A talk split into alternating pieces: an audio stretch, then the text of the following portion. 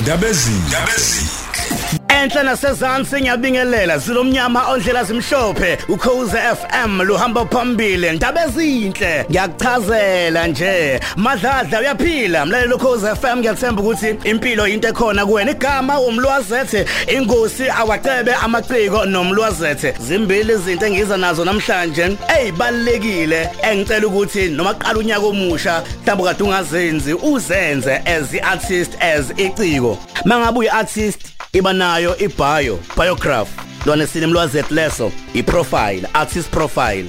Ayibe black and white noma ingaba one page noma ibo two pages. Ila khona ke sifuna ukwazi kabanzi ukuthi wena kahle kahle ungubani.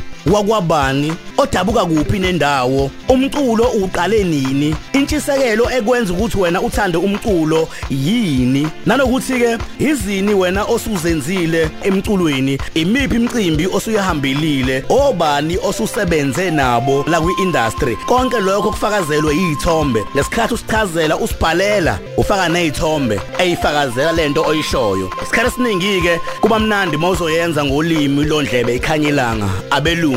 I-artist profile uyibhale ngesilungu kodwa hayi ukuthi akuvumelekile ukuthi ungayibhala futhi nangesizulu. Isiza kuphi? Isile kuthenini uma ngabe uyofuna noma ngabe isiphi isicelo noma ke uyoncenca noma ngabe ubani ofisa mhlambe ukuthi akusize ngokuthile akwazi kabanzi. Mhlambe uyofaka isicelo kusomabhizinisi othile ukuze akulekelele uqophe album hambisa artist profile kuyena mhlambe uyosubmita umculo wakho emsakazweni. Hambisa iartist profile emsakazweni. Ukuze mangabe sebeyidlala ingoma yakho isiphasile khona kwisystem. Umsakazi mase idlala azi ukuthi lengoma ingekabani. Umsakazi akashaya nje iprofile yakho ngawe after ingoma yakho. Athi hayi ulwazi imdladla lo owaziwa ngomlwazet udabuka lapha kwamashu njalo njalo yabo? Yonke lento uzobe ithole kuphi? Uyithole la kwi-artist profile kwi-biography yakho. Ayibinde kakhulu. One page it's enough. Mangabe ibe yinde mabili ama page ichaza nje kabanzi ngawe ukuthi kahle kahle mesikhuluma ngawe sikhuluma ngobani oseke wenzani mesikhuluma mhlambe ngawe izinto ezikuphushayo ezikudrivayo musa wena ukufona noma uWhatsApp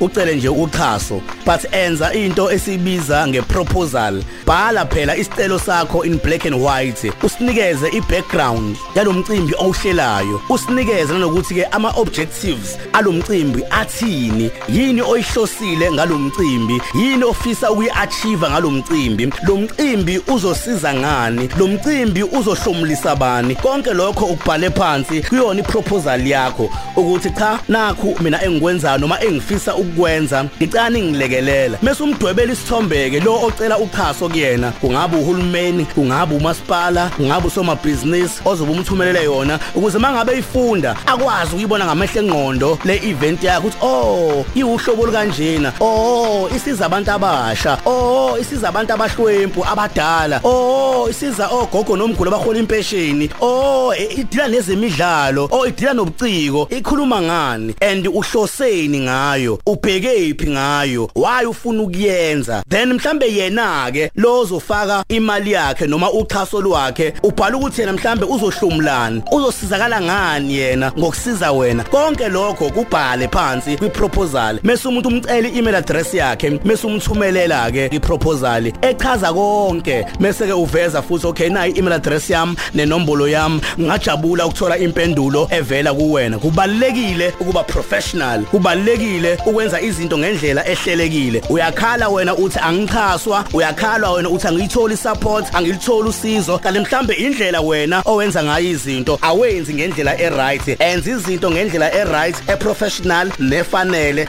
Nakhona isicelo sakho seproposal sithumele umcimbi wakho kusasele inyanga ezisithupha ukuthi wenzeke ukuze bakwazi ukufaka kwikhalenda labo. Ngabe uhulumeni othile department ethile masipala othile ikhansela njalo njalo. Awukwazi ukuthi uthumele iproposal yakho uzofuna uchaso lwemali usuyenza ngenyanga ezayo usuyenza ngeviki elizayo. Mnikeze isikhathi esanele nalo omcelayo ukuze uma ngabe esenza ikhalenda lakhe lika 2023 akufaka uthi oh, okay lento ufuna ukuyenza nge-youth month ngojune. Oh lento ufuna ukuyenza nge-men's month ngojuly next year. Oh lento ufuna ukuyenza nge-women's month august next year. Oh lento ufuna ukuyenza nge-heritage month september next year. Kusanesikhathi mayisenza ikhalenda lakhe naye then akwazi nawe ukufaka-ke enhlelweni zakhe nakwibudget yakhe. Landela enkundleni zokuxhumana facebook lilandela ipage lethu lilike awulifollowishe awacebe amaciko nomlwazethe awacebe amaciko nomlwazethe ungangithinta ikakhulukazi ku WhatsApp ungibhalele umyalezo bese ubekezela yogcina nayo ngikuphendulile ngenxa yesibalo sabantu abaningi abangibhalelayo. Inombolo ithi 063 292 1737 063 292 1737 mawuvuka njalo ekseni basho labo P mawulala ebusuku basho labo P bangaki labo P bane. Shona emva kwami phaphama phikelela phokophela phumelela. Ngibongile ngethuba amadladla Ndabezini. Njalo ngesonto kusukela ngo-12 kuya ku-3 ekuseni.